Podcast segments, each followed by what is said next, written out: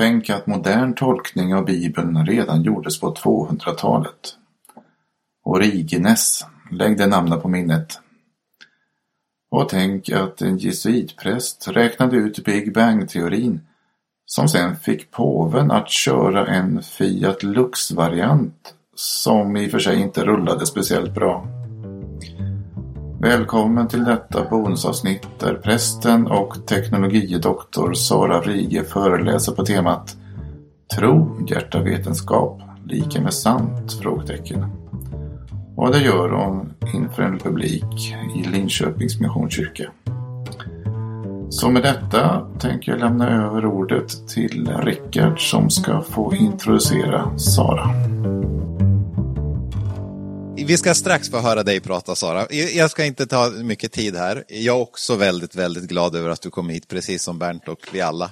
För det är ju så underbart att ha den här kombinationen av någon som verkligen kan både teologi och naturvetenskap och teknologi har vi lärt oss idag. Eh, Johan och jag, vi har alldeles nyss intervjuat Sara för vår podd, Teologen och Ingenjören. Och då kom vi in på ganska spännande frågor om människor och maskiner och teologi och sådär. Det var... Sara, välkommen hit. Tack så mycket. Och, eh, scenen är din. Ja, tackar, tackar.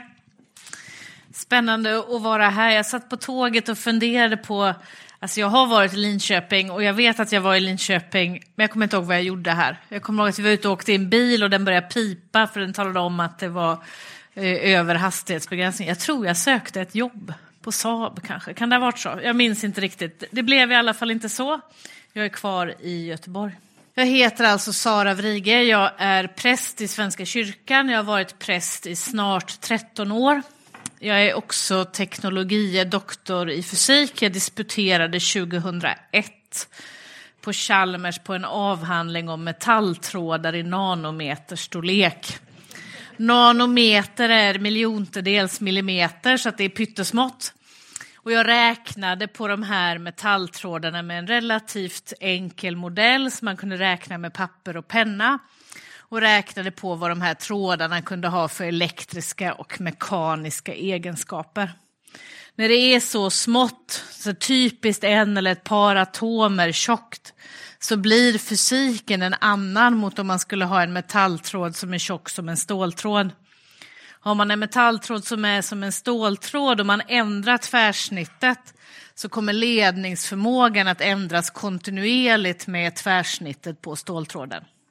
Men när det är så här smått så kommer ledningsförmågan istället att, att ändras hackigt eller stegvis. Det är såna här det man kallar för kvantmekaniska effekter som just kommer när, när saker och ting är riktigt, riktigt små, mindre än de sakerna vi ser runt omkring oss. När jag sen blev präst så har det blivit så, eh, naturligtvis på grund av min bakgrund, men också för att jag upptäckte att det var intressant och viktigt och mer intressant och mer viktigt än vad jag trodde tidigare. Att jag har jobbat med frågor om naturvetenskap och teologi och naturvetenskap och kristen tro. Det tog riktig fart under Darwinåret 2009. Då jobbade jag i Göteborgs domkyrka. Och vi gjorde många aktiviteter under det året kring Charles Darwin och evolutionsteorin och vi samarbetade med Universium som är Science Center-museet i Göteborg och med Göteborgs universitet och så vidare. Och de senaste två och ett halvt åren har jag arbetat med fortbildning för anställda, mest i Svenska kyrkan och lite i Equmeniakyrkan och en del andra intresserade allmänhet och förtroendevalda kring frågor om naturvetenskap och kristen tro. Nu jobbar jag med teologisk fortbildning och teologisk fördjupning på stiftskansliet men har kvar en del frågor om naturvetenskap ändå. Rubriken idag är naturvetenskap, hjärta, tro, lika med sant, frågetecken, utropstecken. Visst var det så vi sa? Det ser väldigt snyggt ut i skrift men det är liksom svårt att säga. Och jag tänkte att vi skulle börja alldeles från början. I den kristna tron så är skapelsen god. I Bibelns första kapitel så står det att Gud ser sin skapelse och Gud såg att det var gott. Och i vår tradition talar man därför om två sätt som Gud ger sig till känna på. Det vi ibland kallar för den särskilda uppenbarelsen och det vi kallar för den allmänna uppenbarelsen. Den särskilda uppenbarelsen det är då när Gud handlar eller uppenbarar något på ett särskilt sätt, i ett speciellt tilltal eller i särskilda händelser i historien. Och den allmänna uppenbarelsen, det är den som vi alla, var och en av oss kan hitta mitt framför näsan om vi bara tittar. Det som skapelsen berättar om skaparen. Ibland har man kallat den allmänna uppenbarelsen för den andra boken och då syftat på att Bibeln skulle vara den första boken. Men som en vän och prästkollega brukar säga att det är klart att det måste vara tvärtom. Skapelsen kom ju ändå först, det måste ju vara den första boken. Mot den här bakgrunden så är den kristna tron positiv till att studera naturen och att ta reda på saker om naturen. Och om vi tror på Gud som skapare och att Gud ger sig till känna genom sin skapelse, då kan ju ingen kunskap om skapelsen vara emot Gud. Så vi tror den kristna traditionen lär att naturen berättar om skapelsen och att vi också kan lära känna Gud genom att studera naturen. Särskilt tydligt blir detta kanske i 1700-talets naturforskare och i de naturvetenskapens framväxt i vår del av världen, i Europa, har varit tätt förknippad med kyrkans historia. I klostren har det funnits tid till att studera och universiteten har vuxit fram mycket i kyrkans häng. Många av de tidiga naturvetarna var också varmt troende eller djupt troende, vad man nu vill använda för ord. I Sverige så är ju kanske den mest kända naturvetaren från den här tiden Carl von Linné. Och han har skrivit, och kanske känner ni igen det här, han har skrivit så här. Jag såg den oändlige, allvetande och allsmäktige guden på ryggen då han gick fram och jag hisnade.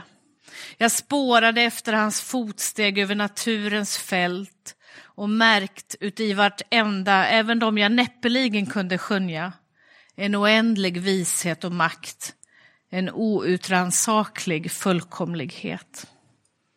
Så om man skulle fråga sig vad säger den kristna tron om hur världen blev till?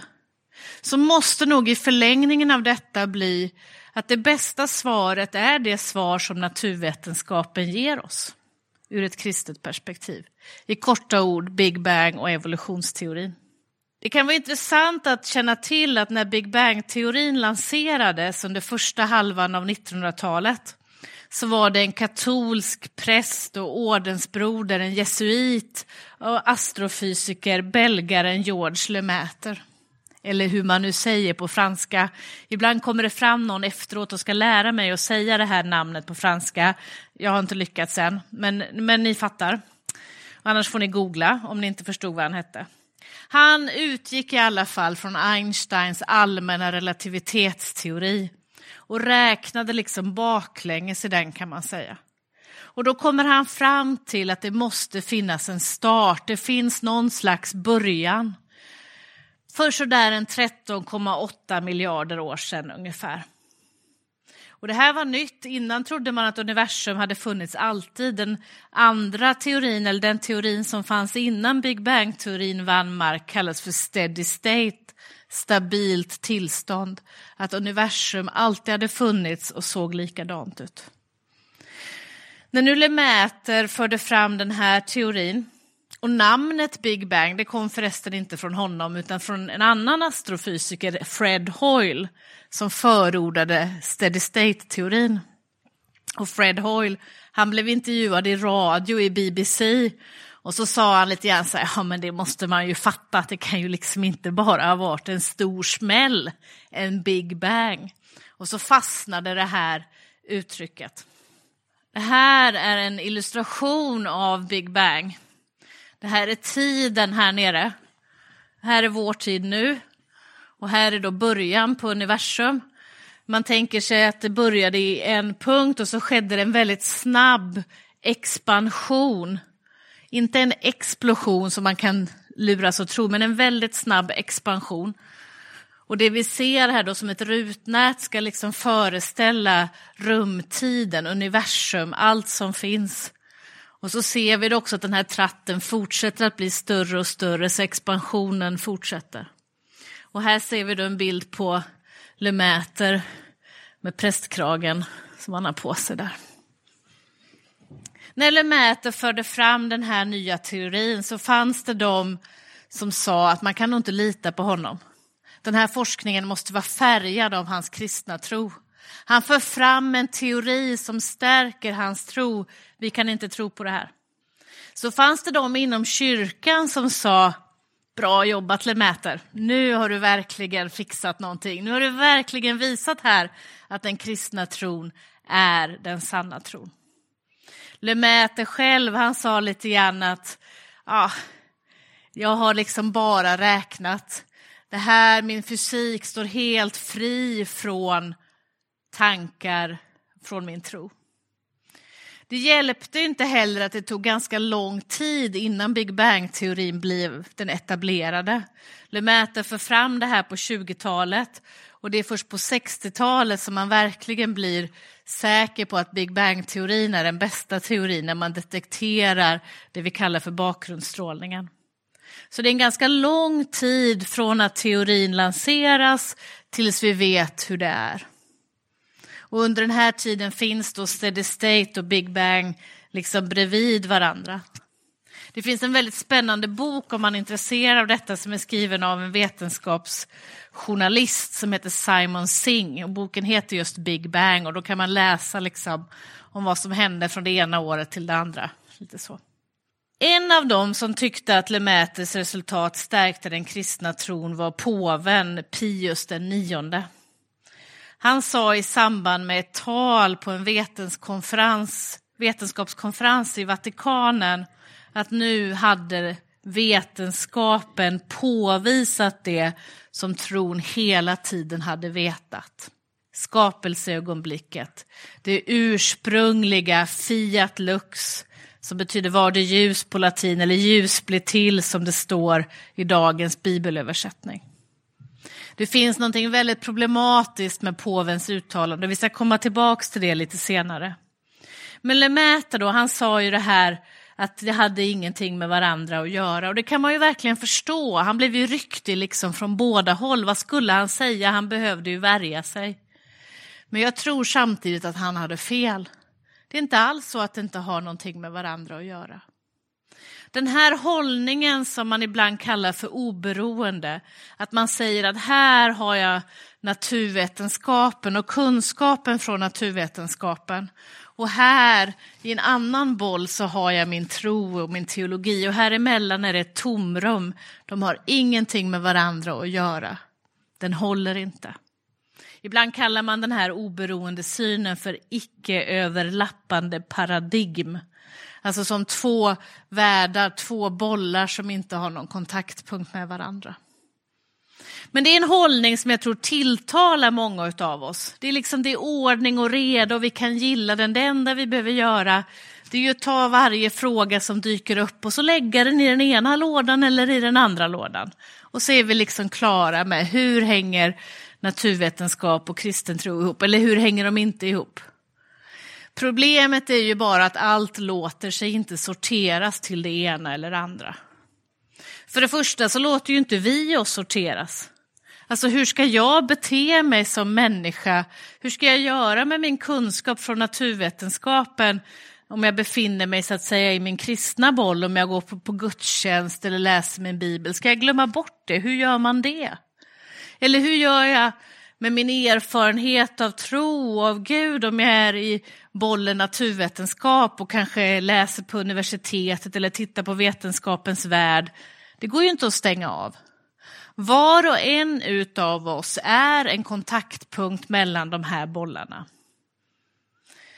Men ännu mer viktigt är att de stora, de komplexa frågorna, de behöver perspektiv från båda hållen.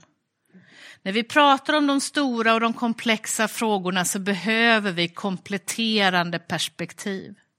Om man till exempel frågar sig vad är en människa? Så det är klart att man behöver ha perspektiv från biologin på det. Vi är biologiska varelser. Man kan inte svara på frågan vad är en människa utan biologi. Men det är klart att vi också behöver frågor från teologin, från vår tro och så vidare, från andra vetenskapliga discipliner, från konst och litteratur, från alla möjliga håll. Och tillsammans så kan de här perspektiven belysa den komplexa frågan.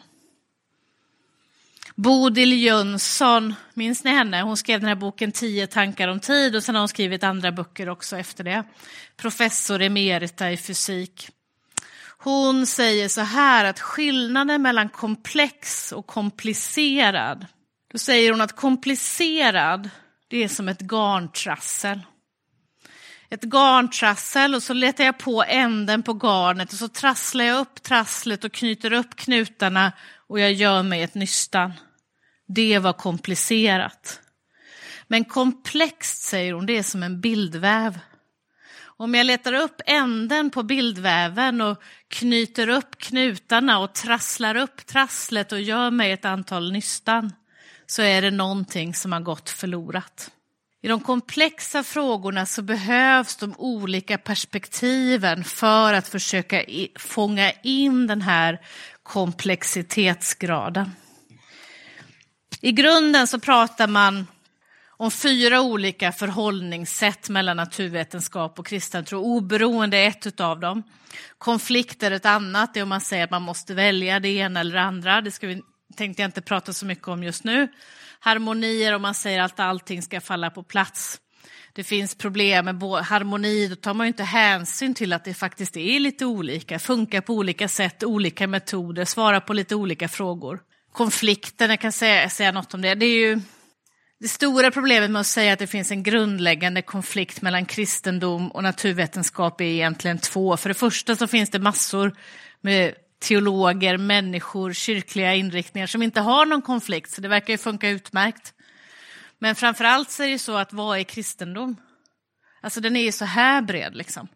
Och tar man bara då rätt eller kanske fel företrädare för kristendom, ta en eh, baptistpastor i södra USA så har han sannolikt en konflikt med naturvetenskap. Men representerar han oss och vår syn på kristen tro? Och naturvetenskapen är också väldigt, väldigt bred med många olika discipliner och många olika uttolkningar av naturvetenskap. Så det är svårt att liksom säga hur de här skulle kunna ha en grundläggande konflikt med varandra. Det fjärde sättet då, och som är det som jag förordar, det är det dialogiska förhållningssättet. Det dialogiska förhållningssättet säger det finns någonting att prata om och det tar vi på allvar. Och det dialogiska förhållningssättet skiljer sig också från de andra tre för det kan ta hand om alla de här perspektiven. Alltså om någonting skaver eller spänner eller det verkar som att här får jag inte ihop det, ja men då finns det ju något att prata om. Och om det är någonting när vi pratar om det som visar sig att just i det här fallet så föll allting på plats i en perfekt harmoni, så är ju inte det förbjudet. Och om det är någon fråga som vi säger att det här skulle vi kunna prata om och så finns det inget att prata om för här verkar de inte ha någonting med varandra att göra, så är det också okej. Okay. Jag kan lova er att det finns inga teologiska perspektiv på metalltrådar i nanometerstorlek. Och det är helt okej. Okay. De måste inte göra det. Men att inte ställa frågan skulle vara fel. Sen kan man gå snabbt över till andra lite mer intressanta frågor. Så ett dialogiskt förhållningssätt och kompletterande perspektiv är någonting som jag vill lyfta fram och förorda. Ett annat perspektiv som jag vill förorda är att söka Gud i det vi vet.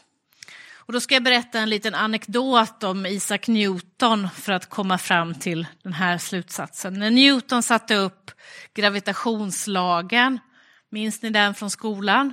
Det här med två kroppar som drar i varandra med en kraft som beror på massan, mellan, massan på kropparna och avståndet dem emellan. Och så använde han den här gravitationslagen för att räkna på planeterna och hur de rörde sig i solsystemet. Och det visste man ganska bra, det fanns goda observationer för planetsystemet. Men så liksom föll det inte ut, han fick det inte att stämma hela vägen, han lyckades inte lösa ut det här i ekvationerna. Och jag har läst någonstans att det fanns de som tror att Newton var ganska nöjd med att han inte fick ut det. Jag vet inte om det är sant. Men vad han säger är i alla fall att det som saknas, det som han inte lyckas lösa ut, det som inte han kan räkna ut, det är Gud. Det är Gud som finns där och hela tiden puttar lite grann på planeterna och håller dem på plats i sina banor. Och den här idén, att stoppa in Gud så att säga i luckan i det vi inte vet, det kallar man på engelska för God of the Gaps. Eller luckornas gud skulle man kunna översätta det till. Det här är problematiskt av tre anledningar. Alltså den första anledningen att det är problematiskt för vetenskapen, för det finns någon slags vetenskapshämmande effekt i detta. Alltså varför ska vi räkna ut något överhuvudtaget? Varför inte bara säga att det är Gud? Eller om vi nu har räknat ut det lite grann, låt oss säga att vi fick den här ekvationslösningen till 75 procent och så har vi en lucka 25, ja men det är Gud, det är 100, då är vi klara, varför ska vi räkna något mer? Så det finns en, en vetenskapshämmande effekt som vi dels kan tänka inte är bra överhuvudtaget, men också utifrån vår kristna tro inte är bra, för vi pratade ju nyss om att studera naturen för att få lära oss mer också om Gud.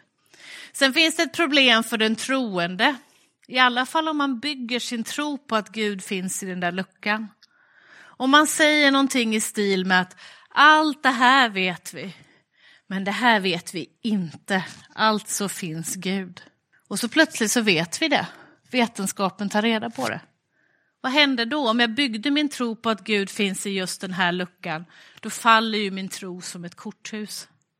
Men det finns ett tredje problem som jag väljer att kalla för det teologiska problemet. Och det är följande, varför skulle Gud vara i luckan överhuvudtaget? Alltså vem har kommit på det? Vad är det, vad finns det något vettigt teologiskt argument som skulle säga att Gud finns mer i luckan än i det vi faktiskt vet? Finns inte Gud också i Newtons gravitationslag och i de ekvationslösningarna? Och inom det här fältet som man ibland kallar för religion and science, det akademiska fältet om religion och naturvetenskap, så kan man säga att det här har varit en av de stora grejerna, att prata om att Gud finns i det vi vet. Nu vänder vi tillbaks lite grann till påven Pius, han som hade sagt att Big Bang påvisade det ursprungliga Fiat Lux vardeljus. Varför är det problematiskt kan man ju fråga sig. Ja, för det första så är det problematiskt för att det tycker jag antyder en klurig bibelsyn. Och vad menar jag med det? Ja, för det första så tänker jag att man behöver tänka att bibelsyn handlar om, eller att läsa Bibeln handlar om att tolka. All läsning är tolkning. Och ni är så pass gamla att jag har ett jättebra exempel att illustrera det här med. Om ni kommer hem, eller om ni kom hem kanske innan det fanns mobiltelefoner, och så låg det en lapp på köksbordet och på den där lappen stod det en liter mjölk. Vad betyder det? Jag ser att du vet. Törs du säga det högt? Vad betyder det om det ligger en lapp på köksbordet där det står en liter mjölk? Precis, gå och handla den. Man kan inte säga det här till tonåringar för de har aldrig varit med om det, man skickar bara sms nu för tiden. Men vi som var med innan mobiltelefonerna, vi vet att det betyder gå och handla en liter mjölk. Men om man däremot har en sån här liten receptsamling som man har skrivit själv i en liten skrivbok och där har man ett recept på pannkakor och då står det ett visst antal ägg. Det är ett stort recept, så låt oss säga att det är fem ägg och fem deciliter mjöl och en liter mjölk. Och det är allt som står, det står ingenting mer. Då vet vi också att det betyder inte en liter mjölk gå och handla det, utan det betyder häll i bunken och vispa. I de här, båda de här fallen så har vi läst den här korta enkla texten och gjort en tolkning av vad den betyder. All läsning är tolkning. Man kan inte läsa utan att tolka. Det här kallas för hermaneutik, läran om tolkning. Det är insikter från litteraturvetenskapen och det här har sedan spilt över i alla vetenskaper som handlar om text. Så även bibelvetenskapen. Det går inte att säga jag läser bara som det står. För man kan inte läsa bara som det står. Man kan liksom inte läsa utan sig själv och utan sin tolkning. När vi säger att vi läser någonting bokstavligt, då har vi egentligen tagit en särskild tolkning och så har vi satt en etikett på den för att tala om vad vi tycker. Om man till exempel säger så här, och då pratar man ju om sig själv om man säger sånt. Och säger, ah, alltså jag, jag läser minsann bara bokstavligt. Va? Då har man tagit den här tolkningen och upphöjt den till någonting bra. Om man däremot vill dissa och säga att det är något dåligt, då pratar man ju alltid om någon annan. Och då säger man alltså den där, det går inte att prata med honom för han läser bara bokstavligt. Då har man tagit hans tolkning, satt en etikett på den och dissat den som någonting dåligt. Å andra sidan så är ju de här texterna såklart inte vilka texter som helst. Alltså om man läser Bibeln så tänker ju vi kristna att det är en helig text. Har ni funderat någon gång på hur man skulle kunna definiera ordet helig text på ett sätt som alla skulle kunna hålla med om även om man inte är kristen? Jag skulle vilja föreslå följande definition på en helig text.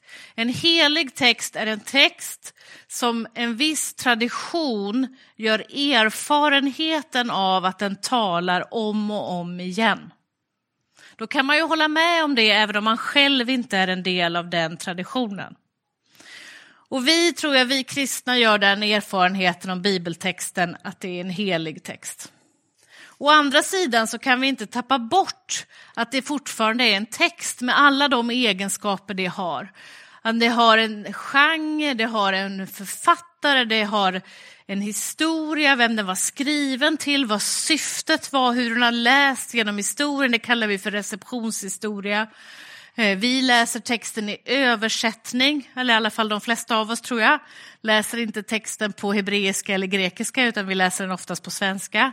Och även om vi skulle läsa den på originalspråk så finns det en hel forskning om hur texten var, det man kallar för textkritik. Det finns ingen urbibel att gå och slå upp i någonstans, utan den bibeltext vi har är ett resultat av gamla manuskript och forskning om hur texten var kanske innan de här manuskripten som vi har tillgång till. Allt det här gör att det finns ett stort behov av kunskap när vi läser. Samtidigt som vi var och en har en egen rättighet att tolka. En jätteviktig princip i, i, i våra kyrkor, tänker jag, en demokratisk princip att vi var och en får tolka så måste vi samtidigt var och en förstå att ingen av oss har tillräcklig kunskap för att på egen hand faktiskt kunna förstå. Vi måste ta hjälp av bibelvetenskapen, av noterna, av kunskapen i vår gemenskap och så vidare för att kunna närma oss detta. När påven då säger det här, att det här som Lemaitre har räknat ut, det visar nu på det vi alltid har vetat, det ursprungliga Fiat Lux var det ljus. Så lägger han ner någonting, tycker jag, i de här orden. På svenska så tror jag att det är sju ord om jag minns rätt. Jag ska se om jag har skrivit upp vad det står. Vad är det? Gud sa ljus bli till och ljuset blev till, så tror jag det står. Jag tror att det är en sju, nio ord någonting. Så lägger han liksom ner hela Big Bang-teorin i det. Och jag tänker att bibeltexten framförallt är någonting som kommer till oss för att uppenbara och berätta, inte för att packa ner hemliga budskap som någon eventuellt ska kunna packa upp längre fram. Om Gud hade velat berätta för oss om Big Bang-teorin så hade väl Gud gjort det. Istället tror jag att den här texten framförallt handlar om ursprunget hos Gud, att Gud är hela universums Gud, att skapelsen har sin grund i Gud och så vidare, inte beskriver en vetenskaplig teori. Påven hade också lite grann glömt bort Thomas av Aquino. Ni har hört hans namn, medeltida teolog. Han funderade på sin tid hur kan man tro på en gud som skapare samtidigt som universum är evigt? För det trodde man på Thomas tid. Hur kan man tro på en skapelse om universum alltid har funnits? Och så funderade Thomas på detta. Och så kom han fram till att det finns två sorters orsaker. Det finns de primära orsakerna och det finns de sekundära.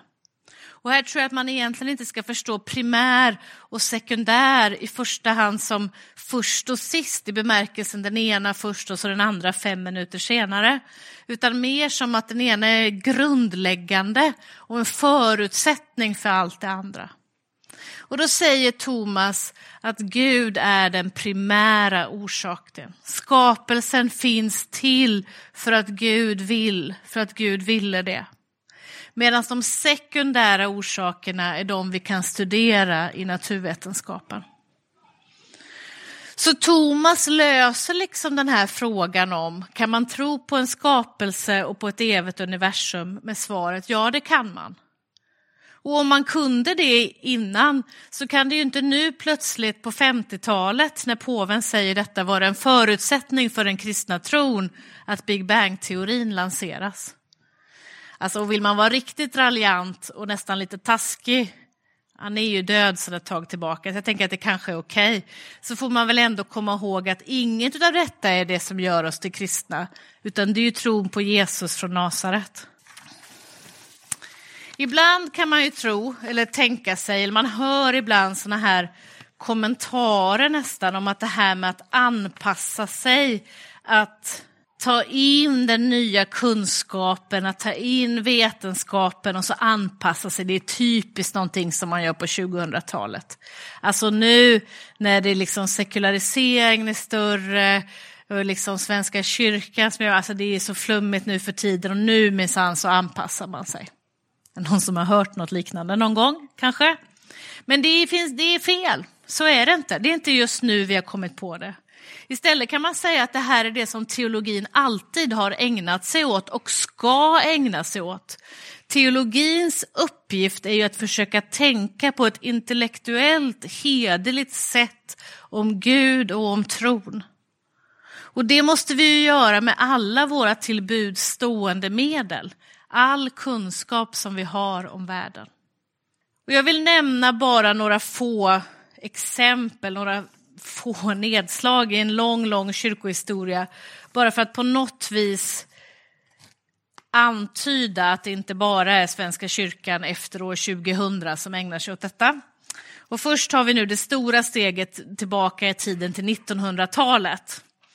Jag kommer ju från Göteborgs stift så jag tänker jag ska lyfta biskop Bo Giertz som var biskop i Göteborg på 1900-talet. Han skrev bland annat en bok som heter Trons ABC en liten tunn rosa sak eh, som i alla fall i Göteborgs stift många på den tiden hade som konfirmandundervisningsbok.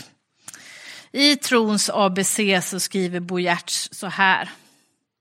Jag kanske ska säga det också för de som inte känner till Bo Giertz, man får väl ändå säga att han på något vis under 1900-talet har varit en, en symbolperson för en, låt oss säga konservativ klassisk kristen tro, skulle vi kunna säga så? Så det är liksom inte flumexemplet här, det är inte någon flumbiskop utan tvärtom. I Trons ABC skriver Boyert så här. När vetenskapen framlägger allt mera ofrånkomliga bevis på att en utveckling har skett från livsform till livsform, han pratar alltså om evolutionsteorin, så finns det ingen anledning för en kristen att bestrida det. Han, den kristne, vet att det i så fall var på det viset som Gud gick tillväga. Thomas av Aquinos har vi redan nämnt från medeltiden. Och om vi nu backar tillbaka lite till i kyrkohistorien så kommer vi till Augustinus och då är vi någonstans, hjälp mig nu, 300-tal va? Tack. Jag har lite svårt för det här med årtal. Augustinus han skriver så här. Vanligtvis så vet även en icke-kristen en del om jorden, himlarna och de andra elementen i denna värld. Därför är det både skamligt och farligt när en icke-troende hör en kristen under förevändning att förklara den heliga skrift prata strunt om sådana saker, sådana ämnen. Om de märker att en kristen tar helt miste inom ett område de själva är välbekanta med och hör honom förena dessa dåraktiga synpunkter med skrifterna, hur ska de då kunna tro på vad dessa skrifter säger? Så på 300-talet så säger Augustinus att om vi ska lägga ut bibeltexterna, om vi ska förkunna evangeliet så måste vi göra det i samklang med kunskap om världen. Annars är vi dåraktiga. Och om vi backar hundra år till så kommer vi till Origenes 200-tal. Tittar jag på Rickard? Titta, ja, guldstjärna till mig. Eh, Origenes han skriver om skapelseberättelserna i Genesis och berättelsen om Adam och Eva och så skriver han så här. Vem är dåraktig nog att hävda att Gud likt en trädgårdsmästare planterade ett paradis i Eden österut och placerade där i livets träd, möjligt att se och röra, så att en enda tugga med tänderna gav evigt liv? Eller återigen att man gjorde gott eller ont genom att tugga det som togs från ett träd.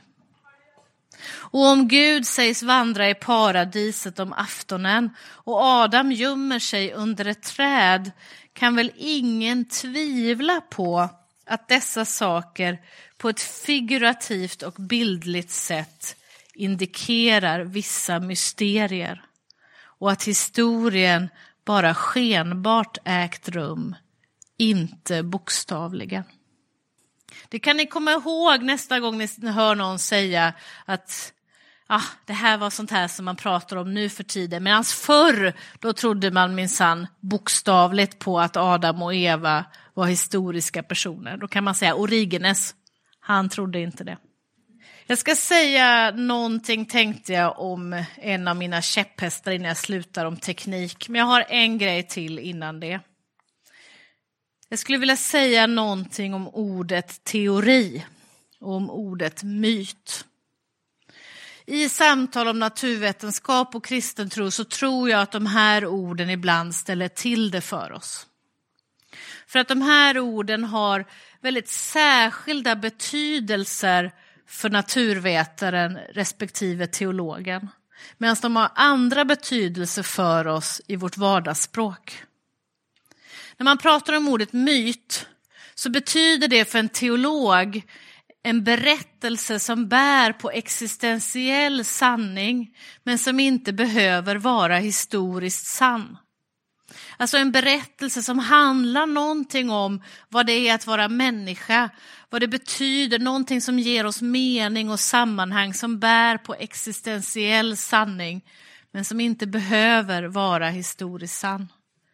I praktiken så använder vi ordet myt oftast just om de berättelser som vi inte tror är historiskt sanna.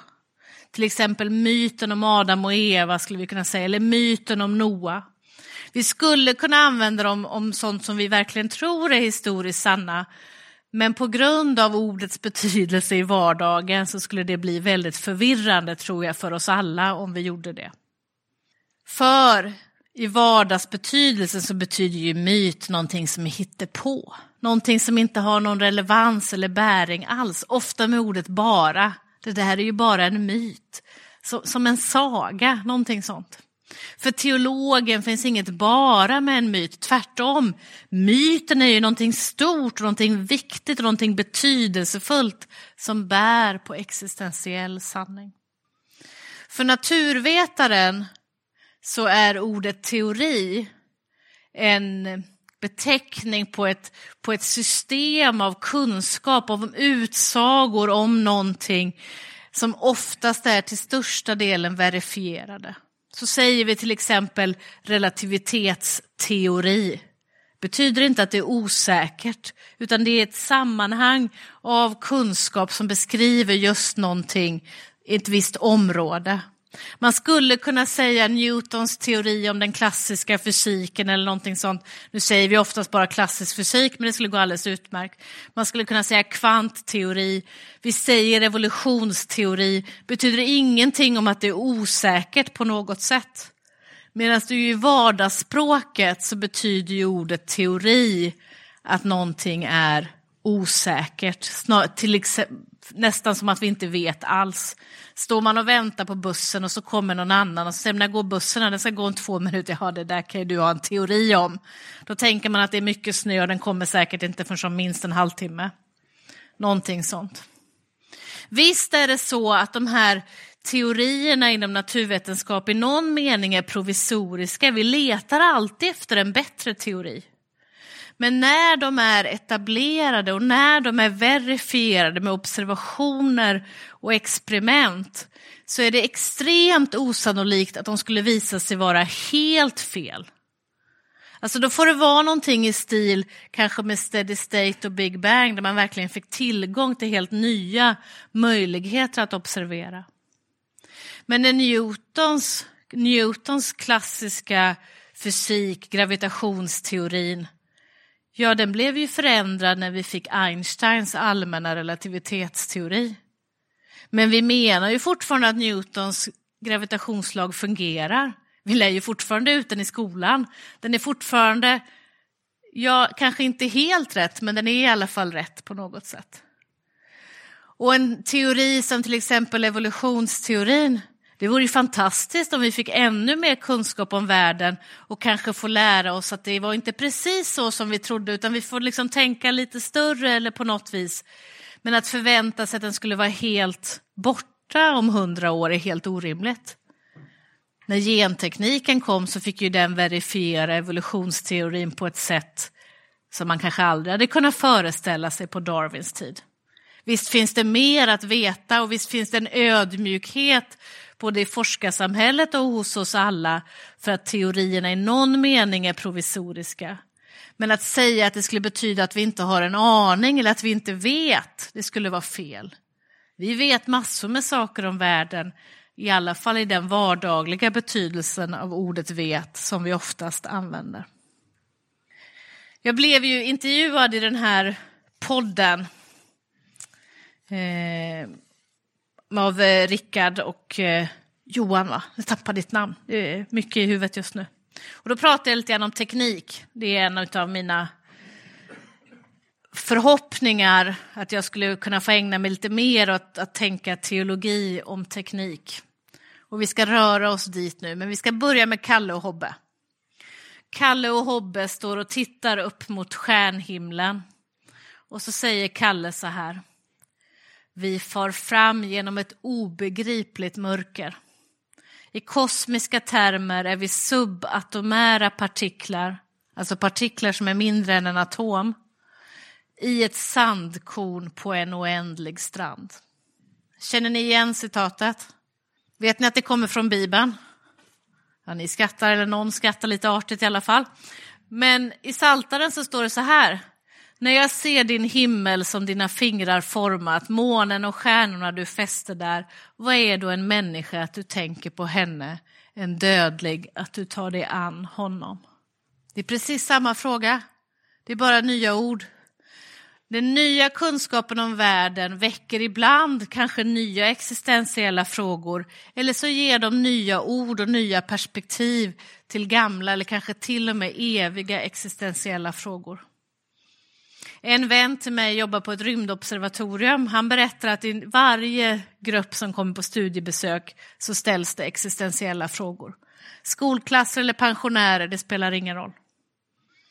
Men när vi tittar upp mot himlen idag, eller när Kalle och Hobbe tittar upp mot himlen, de lever väl i vår tid får vi tänka oss, då ser vi faktiskt inte bara Guds verk eller naturens verk. Vi ser inte bara stjärnorna på himlen. Vi ser också sådant som vi människor har skapat.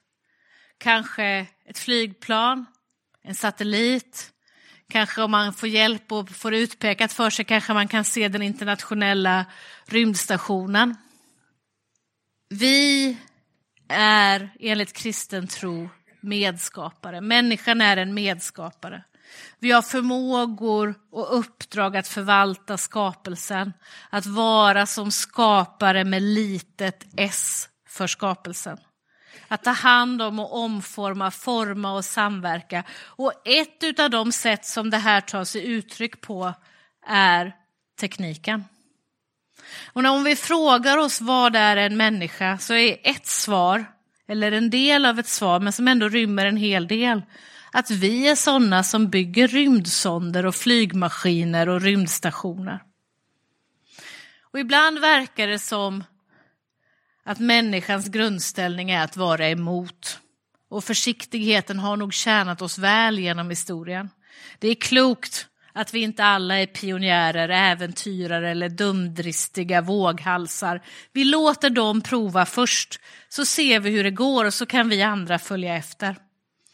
Men ibland så klär vi också det här motståndet, till exempel till ny teknik, eller ibland till kunskap om världen i religiösa termer utan goda argument. Lite sådär som att vi är emot och det har, ja, Gud har nog typ sagt det, ungefär så. Det är inte bra. Däremot behöver vi teologiskt reflektera om frågor som teknik. Vi behöver reflektera om naturvetenskapens så att säga, existentiella implikationer. Vad betyder detta för oss som människor, som kristna, ur ett teologiskt perspektiv? Etik såklart, men kanske ännu hellre det som jag vill kalla för teknikontologiska frågor. Och då har jag satt ihop två fina ord som jag gillar. Alltså teknikontologiska frågor, det skulle då handla om att lyfta blicken och fråga sig vad handlar det om? Vad är meningen? Ontologi, meningsfrågorna. Vad betyder teknik för oss och vilka är vi med teknik? Kanske kan vi då se att teknikens område är en del av vårt människoblivande och vårt människovarande. Jag tänkte stanna där ikväll. Jag ska avsluta med ett citat från Svenska kyrkans ärkebiskop Antje Jackelén. Hon säger så här om naturvetenskap och kristen tro. Då kommer ni kanske ihåg de där fyra bilderna med oberoende, harmoni, konflikt och dialog. Hon säger så här. Det råder varken konflikt eller harmoni men en fruktbar spänning mellan naturvetenskap och kristen tro. Vår utmaning är att utforska denna spänning. Tack så mycket.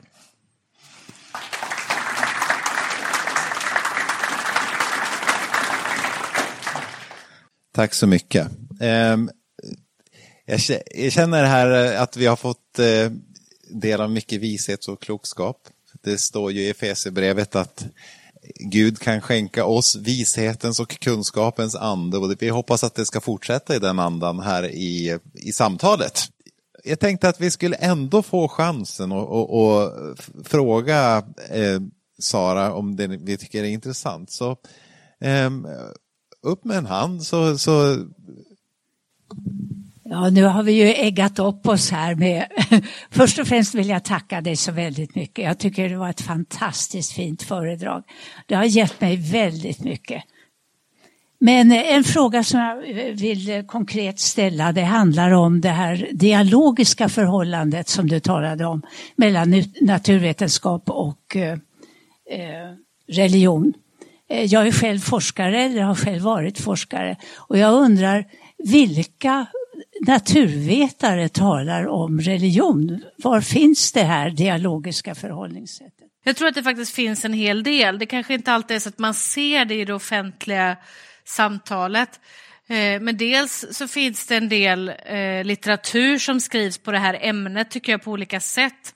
Eh, Bengt Gustafsson, astrofysiker, kom med en, ja ni pratar med honom, kom med en bok för inte så länge sedan som heter Svarta hål som handlar om svarta håls eh, både naturvetenskapliga och kulturhistoria. Han har definitivt ett dialogiskt förhållningssätt. Eh, jag tycker att det finns en del organisationer som jobbar med det. Eh, I England tydligt så finns det till exempel en organisation som heter Christian Scientists, alltså kristna naturvetare som jobbar med detta. Eh, I Göteborg så har vi rent konkret en grupp, en dialoggrupp som träffas tre gånger per termin. Och det har vi gjort nu i, ja hur länge kan det vara, kanske åtta år, någonting sånt. Där vi är en blandad grupp med, eh, eh, vi är väl sju personer, utav de här sju personerna så är det tre fysiker, det är tre teologer, det är en ekonom, det är en rabbin, det är en neurovetare, eh, och två biologer. Nu vet, hörde ni att jag kom till mer än sju, så flera har ju liksom dubbelkompetenser här. Eh, och det är ju ett sätt att jobba med detta. Eh, jag tror också att man kan liksom i mycket av det vanliga eh, församlingsarbetet med både naturvetare och, och eh, präster och pastorer så finns det också ett dialogiskt förhållningssätt. Alltså ett problem med det dialogiska förhållningssättet är att det inte blir de feta rubrikerna. Det är mycket roligare om det liksom är två personer som lappar på varandra på något sätt. Det blir bättre tv eller liksom så. Eh, men en stor fördel med det dialogiska förhållningssättet är att det är väldigt lätt att börja. För man behöver inte kunna allting själv. Om du ska vara i en debatt, då måste du ju kunna mer än den du ska debattera med va? och liksom verkligen ha på fötterna och liksom kunna ge de där knockout-grejerna för att liksom vinna. Men i en dialog då kan man samtala och så kan man säga till någon annan, alltså jag vet ju inte så mycket om fysik eller teologi eller gamla testamentet eller vad det nu kan vara för någonting, men jag tror att du vet. Och så kan man lägga upp liksom kunskapen på bordet och dela på den. Och om ingen runt bordet vet då kan man ju gå vidare och kanske ta reda på tillsammans. För att i dialogen så handlar det ju inte om att tappa, tappa ansikte liksom som det kan göra i debatten. Så jag tror att det finns mer än vad vi kanske ser i rubrikerna och så, men man kanske får titta, titta lite till.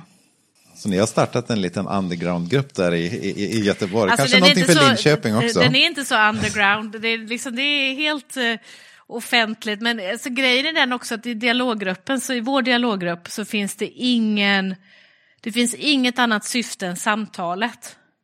Utan syftet är att träffas tre gånger per termin, vi har någon form av fråga eller material på bordet. Just i den här gruppen så är alla akademiker. Och så samtalar vi. Och det är klart, det gör ju inte att det, liksom, det blir inga tidningsrubriker, utan de som eventuellt vet om det, det är de som vi berättade för. Eller någon kollega som, ibland kommer någon och säger så här, jag sa till mina kollegor att jag skulle gå hit, de blev lite avundsjuka, säger de så här. Så att det, ja. Ja, jag blev lite nyfiken på en fråga här. Ehm, du pratade lite grann om att man kan via att studera eh, eh, naturen på så sätt studera Gud och liksom vetenskapen. Sådär.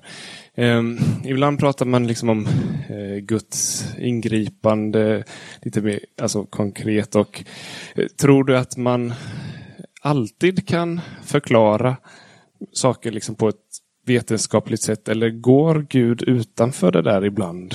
Eh, vad, vad, tänker du kring det? Det är en jättebra fråga och det är många frågor i en, tycker jag. Alltså den första frågan är ju, om vi, om vi bara för ett ögonblick liksom parkerar Gud åt sidan, så är det ju en öppen fråga överhuvudtaget. Kommer naturvetenskapen att beskriva allt? Eh, och, och, det tror jag inte. Alltså naturvetenskapen har en särskild metod och, och angreppssätt och det gör att vissa frågor passar inte för den naturvetenskapliga metoden. Det är det ena. Eh, liksom klassiska exempel på det är ju frågor om konst till exempel. Hur skulle naturvetenskap, alltså det är klart att de, man kan eh, beskriva någon kemisk sammanfattning på någon färg, men det säger ju ingenting om tavlan. Eh, sen kan man också fundera på, kommer naturvetenskapen att förklara allt i bemärkelsen som den skulle kunna förklara som metoden är bra för? Eller kommer det vara så att ju mer vi upptäcker, desto mer kommer det vara som vi inte vet? Det är en öppen fråga och det går ju inte annat än att gissa. Men jag tror att en rimlig gissning är att tänka sig att det kommer alltid finnas saker som vi inte vet. Det verkar jättekonstigt om det plötsligt skulle vara så att nu är vi färdiga. Vi skulle i alla fall bli väldigt förvånade tror jag allihopa. Så jag tänker det i sig är, ju en viktig pusselbit. Sen om vi då, nu plockar vi tillbaks Gud in i, i ekvationen. Eh, så blir frågan då, kan då Gud agera utanför naturvetenskapen? Ja, det, det, det, första liksom, triviala svaret är naturligtvis att om naturvetenskapen inte beskriver allt så är det klart att Gud agerar, låt oss säga då, till exempel genom konsten. Men då, det är ju naturligtvis ett, ett enkelt, liksom, lite banalt svar. Så frågan är väl egentligen, kommer Gud så att, säga, att bryta mot naturvetenskapen någonstans? Eller? Kan man säga så? Ja. Alltså jag håller inte det för omöjligt, låt mig säga så. Jag tänker att om Gud har skapat världen så är det möjligt. Men den stora poängen är ju att Gud verkar genom det vi vet. Att det finns en stabil, att Gud har gett oss en stabil värld som fungerar. Att, att vi kan lita på att fysiken är densamma när ni ska åka hem och sätta er i bilen som det var när ni åkte hit och satte er i bilen. Den kommer inte explodera för att fysiken är annorlunda eller någonting sånt. Va? Och det är ju liksom den stora underverket i sig som man inte får glömma bort. Eh, ibland tycker jag att vi liksom, vet inte om du gör det eller om du gjorde det, men ibland så spelar man ut de här mot varandra. Att det liksom är så här att ja, men om det inte finns någonting som vi inte kan förklara eller om det inte finns någonting som är det vi skulle kalla för ett riktigt underverk, då kan vi inte tro på Gud. Jag tror inte att det är nödvändigt för att vi ska kunna tro på Gud. Men jag tänker att om, om man tror på Gud som skapare så är det klart att, att ingenting är omöjligt för Gud. Men de, den stora poängen är ju allt det vi vet som är ännu svårare på något sätt. Det kanske är svårare att skapa en stabil värld än att göra ett undantag. Ja, jag vill först bara säga att jag tyckte det var ett utomordentligt intressant eh, föredrag du hade. Och eh, jag hade ett par frågor. När du väljer eh, ordet, vi, vi, har vetenskap och eh, kristendom. Och då är min första fråga, skulle man i ditt föredrag kunna byta ut kristendom mot andra religioner? Eller står detta bara för eh, kristendom? Och Eh, för kristendomen så finns det ju ytterligare en figur som eh, inte så att säga konkurrerar med Gud, men det är Kristus. Och eh, hur kommer han in i det här sammanhanget? Mm.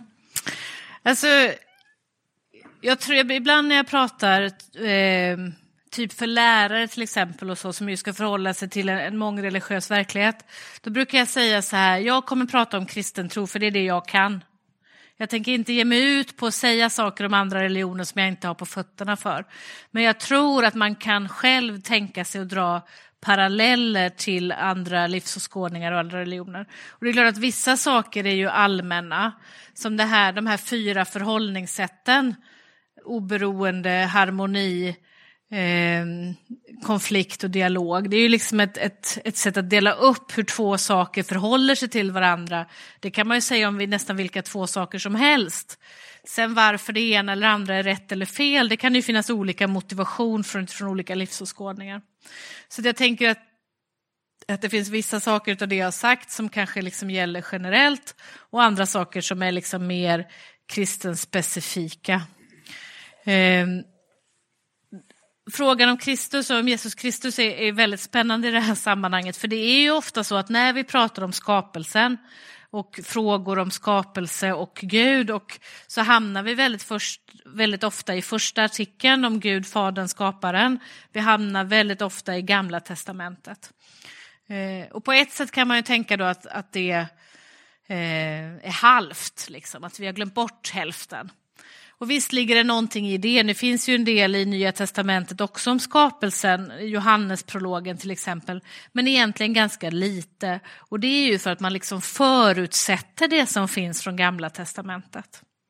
Så att, i en mening så tänker jag att man får liksom inte vara rädd för att i, i vår kristna tradition när vi pratar om ändå ganska specifika ämnen. Vi har ju inte pratat om hela det kristna livet idag, utan vi har pratat om kristen tro och naturvetenskap så är det liksom okej okay att uppehålla sig mest kring första artikeln och Gamla testamentet. För att det, det, eh, alltså det, det är tillräckligt. Om man ska prata om hela det kristna livet skulle vara en annan sak.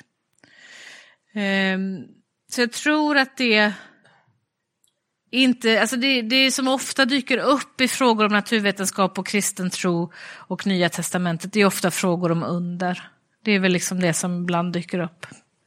Tryggve Mettinger, min gamla lärare här, han skriver en bok som heter I begynnelsen. Jajamän. Du har säkert läst den. Jag har läst den. Mm. En fantastisk bok. Mm. Om eh, skapelseberättelserna och... Eh, jag skrev en recension av den och sen dess är Tryggve och jag så här. Bra. Och jag tänker, han tar ju upp en grej där, nämligen om, om det är så att vi har ett universum mm och de här universalkonstanterna ja. och det mm. här, då är ju det ett väldigt starkt argument mm. för Guds existens och allt det här. Eh, och idag så kommer det ju rätt ofta den här teorin om multiversa istället. Och då säger man så här att eh, om det verkligen bara finns ett universum, ja då är det ju verkligen slående hur de här universalkonstanterna är mm. så otroligt väl mm. kalibrerade. Men om det finns oändligt massa universum, alltså multiversa då, mm. och att det då råkar vara så perfekt i just ett, det är inte mm. lika fantastiskt som mm. om det bara finns ett. Jag såg mm. en debatt mellan John Lennox och en professor i teoretisk fysik som eh, Christer Sturmark hade med sig i någon debatt. Mm -hmm. och då var det så här att John Lennox han, han lyfte fram det här med universum och universalfaktorerna. Och eh, professorn i teoretisk fysik, han försökte hela tiden föra över, ja men, ja, men det är multiversa och multiversa, då är det inte lika storslaget mm. längre, det är inte, då är det inte lika fantastiskt längre. Och då var det så här att båda två hade kommit överens om förutsättningarna, vi ska bara prata om sånt som vi vet. Mm. Och då sa John Lennox, men jag pratar bara om sånt som jag vet. Mm. Du pratar om en sak som är en ren spekulation mm. och som vi inte kan veta någonting om, huruvida det nu existerar eller inte. Men frågan om multiversa kontra universa, vad säger du själv? Mm. Jag säger något om vad är det, är det okej okay om jag hjälper lite grann att förklara vad multiversa, ja. Alltså, eh, det är ju så att i vårt universum som vi har så finns det ett antal konstanter som är väldigt bra inställda eller värdet på dem är väldigt bra. Om de bara skulle varit lite, lite annorlunda så hade inte vi suttit här. Då hade liksom inte universum varit stabilt under tillräckligt lång tid och vi hade inte kunnat evolverat fram. Och det här är liksom då väldigt tursamt skulle man kunna säga om, vi, om det får vara ett neutralt ord just nu. Och naturvetenskapen nöjer sig liksom inte med det utan man undrar ju varför. Varför är det på det här sättet? Och då finns det egentligen då tre eh, möjliga svar. Det ena är ju då att det bara är tur. Det andra är att det finns någon anledning. Det finns bara ett universum och det finns någon anledning till att det ser ut just som det är. Eller så finns det väldigt många universum. Kanske oändligt många, men i alla fall väldigt, väldigt många. Och om det finns väldigt, väldigt många universum så är det inte lika tursamt att ett råkar vara som oss eller som vårt. För alla är lite olika då, tänker man sig. Och det är klart att något skulle kunna vara så här och att vi sitter i det är liksom trivialt för till de andra så, så blev vi aldrig till, ungefär så. Ehm, och det här kallar man då för multiversa och det är ett ganska hett forskningsfält. Ulf Danielsson som ni kanske har sett i På spåret, han forskar kring detta. Ehm, och en del andra, Max Tegmark kanske någon har hört talas om, svensk forskare som finns i USA och sådär. Och då kan man ju fundera på olika saker. Det ena som man kan fundera på är ju då att om man nu tror, eller om man då utgår från bara det vi vet, att det bara finns ett universum, eller det, det, vi vet ju inte att det bara finns ett, men vi känner bara till ett, så kan man ju säga. Eh, så skulle det kunna vara ett argument för att det är Gud som liksom har ställt in de här konstanterna. Liksom att det, det, finns en design, det finns ett syfte, det finns ett någon som liksom har justerat detta så att det blir bra för oss. Och det är det som Tryggve lite grann framför i sin, i sin bok. Och det är han inte ensam om, det är många som tänker så. Eh, å andra sidan skulle det kunna finnas en annan anledning som gör att det måste vara så här, som inte alls har Gud som förklaring. Det skulle kunna finnas någon fysik som vi inte känner till som skulle kunna säga att hur universum än skulle vara så måste det bli så här, fast just nu så vet vi inte varför. Eh, jag vet inte riktigt varför fysikerna framförallt går på multiversa-idén. Man skulle kunna tänka sig att det är för att den, ena, den andra idén luktar lite Gud. Eh, och Gud då kan vi liksom inte angripa med våra metoder, så då är det bättre att vi gör någonting som vi kan. Eh, ett annat sätt kan ju, som man skulle kunna tänka sig är att vi har faktiskt matematik och metoder för att räkna på olika universum. Om vi, så att om vi nu antar att de finns och så räknar vi på dem och så ser vi vad som händer. Och om det då kommer fram till något som vi sen faktiskt eventuellt skulle kunna observera eller in, alltså så, så skulle man kunna leda någonstans. Så det här är väl liksom, skulle kunna vara två bra anledningar till att det är det man faktiskt ägnar sig åt. Eh, jag har inga, jag, jag har inga liksom, jag har ingen preferens här. Jag tänker att det är spännande att man får se. Jag tycker att Tryggve är intressant för att jag har ibland använt ett citat från honom ur hans bok som jag kan rekommendera. Jag undrar om det inte till och med finns att hitta på nätet numera. Ja, jag är inte säker. Men jag har använt ett citat ur hans bok och jämfört med ett citat från påven Pius som jag hänvisade till. Och Tryggves citat är ungefär så här, att han säger så här, jag tror inte eftersom det här argumenten. Men när jag nu tror så ser jag skapelsen som ett konstverk som är signerat på baksidan Deus creator, liksom Gud skaparen. Och det är ju liksom ett helt annat typ av trosvisshet än att säga lite grann som påven sa, nu har Big Bang-teorin bevisat den kristna tron. Eller hur? För att om det nu skulle visa sig att Tryggve har fel, låt oss säga att någon imorgon lanserar liksom, nu vet vi att det finns minst hundra universum. Okej, okay, då får man bara tänka om lite grann. Vi fick ny kunskap, vi får modifiera vår tro, liksom, eller vår teologi. Um, så det, jag, gill, jag håller inte med Tryggve om att, att det liksom i sig är ett starkt argument för Gud, men jag håller med honom i den här, nu när jag liksom ser detta så kan jag också så att säga ana Guds signatur på baksidan. Mm.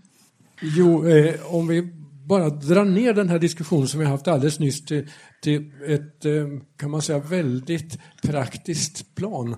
Mm. Så eh, jag har lite kemibakgrund och, och jag har förälskat mig i vatten och säger att detta är gudsmolekylen. Mm.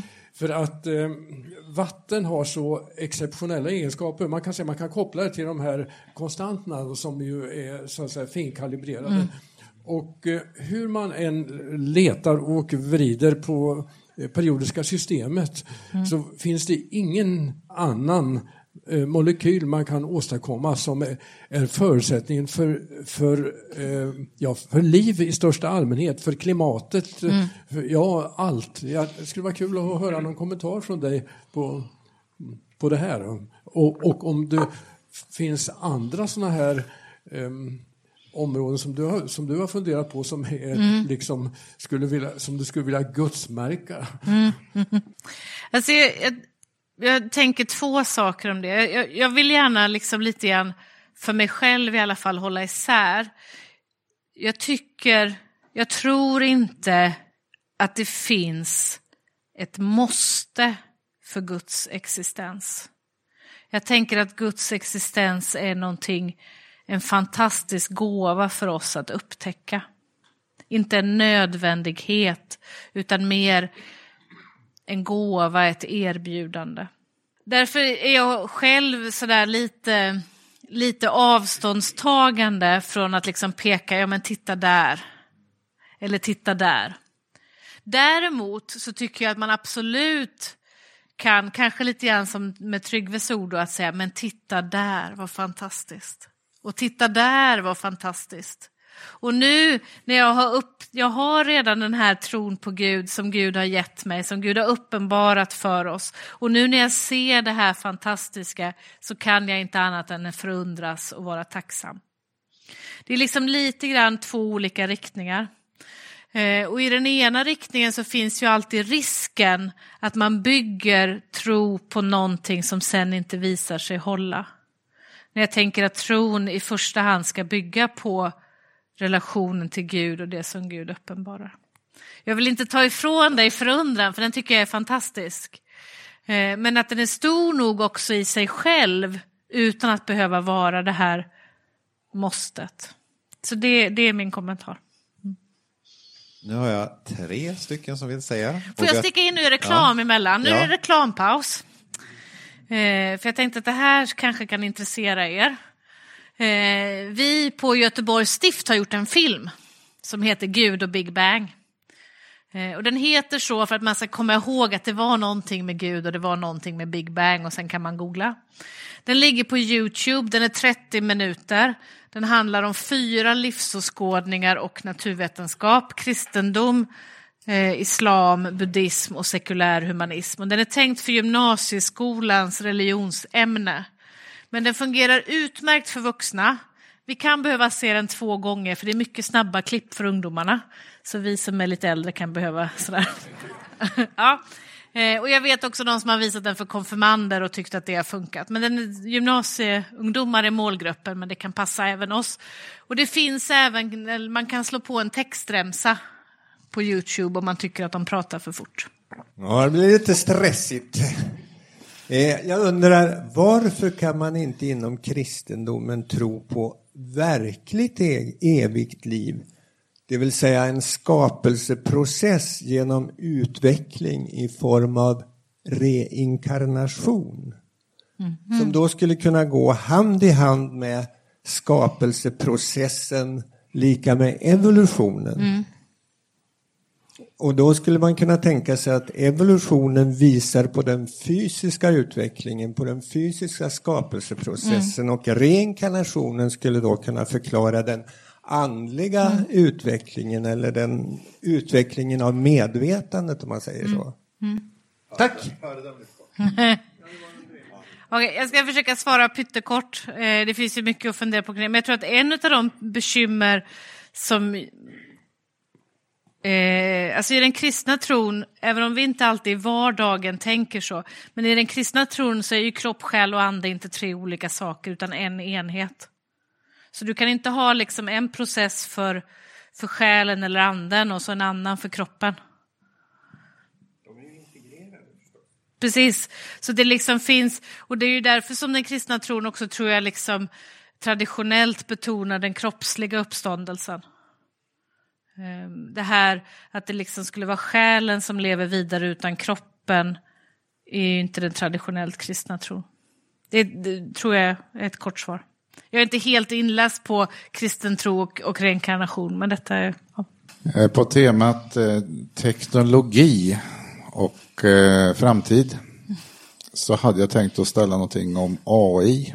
Men med tanke på föregående fråga så tänkte jag ta, dra lite grann åt eh, evigt liv alla transhumanismen. Ah, om man nu löser med hjälp av teknik problemet med telomererna i våra celler som gör att vi åldras.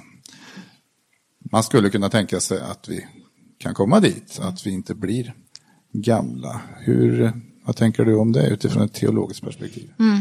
Alltså det, första, det första svaret är ju, alltså om man tänker sig att vi, eh, att, att jag, precis som jag är, min kropp, Eh, jag blir bara äldre så att säga, istället för att bli vad medelåldern skulle kunna vara i år så blir jag 150 eller någonting.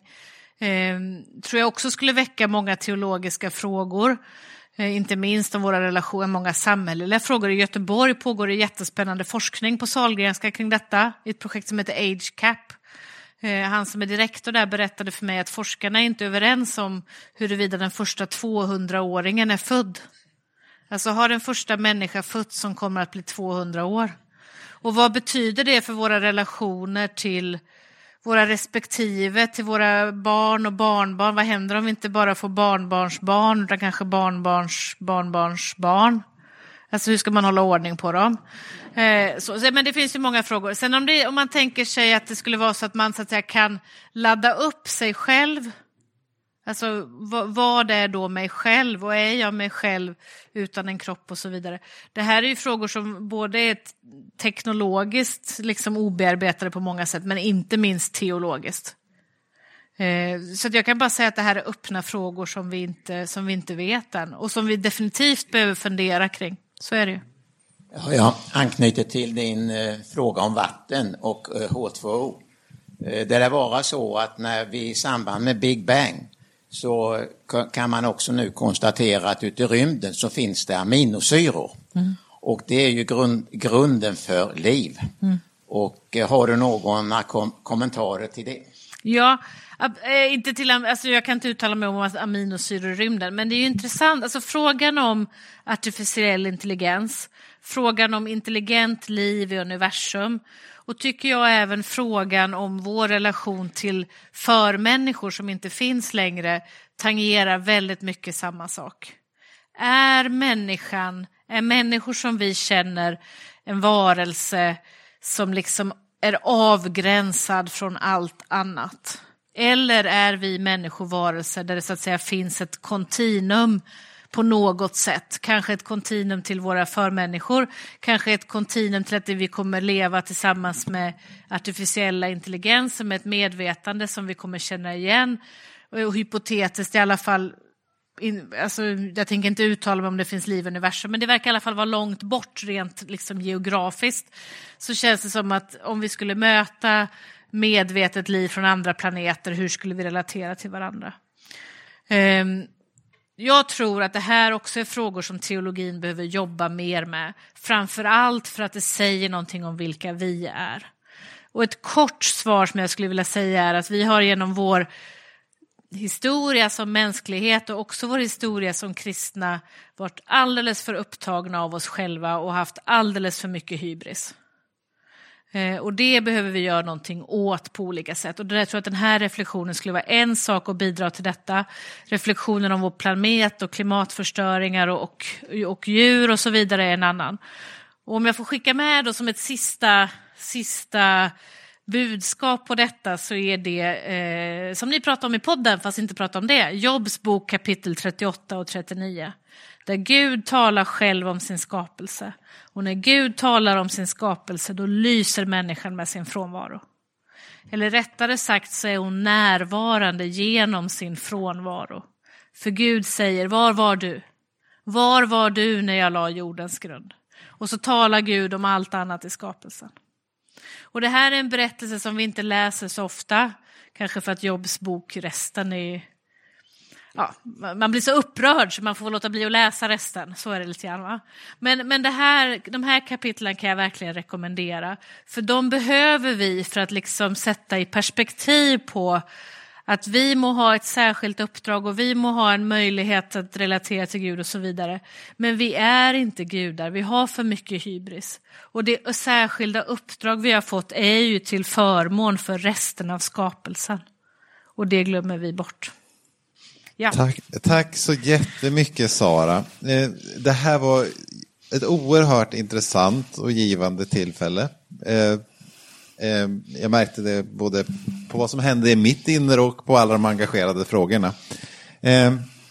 Vi har en speciell tesort här i kyrkan som tillkom när vårt ungdomsarbete fortfarande hette SMU. Så det här är ett smute. Ja, spännande. Ja, som vi vill räcka över som en, ett symboliskt tack. Eh, tack så mycket. Tack.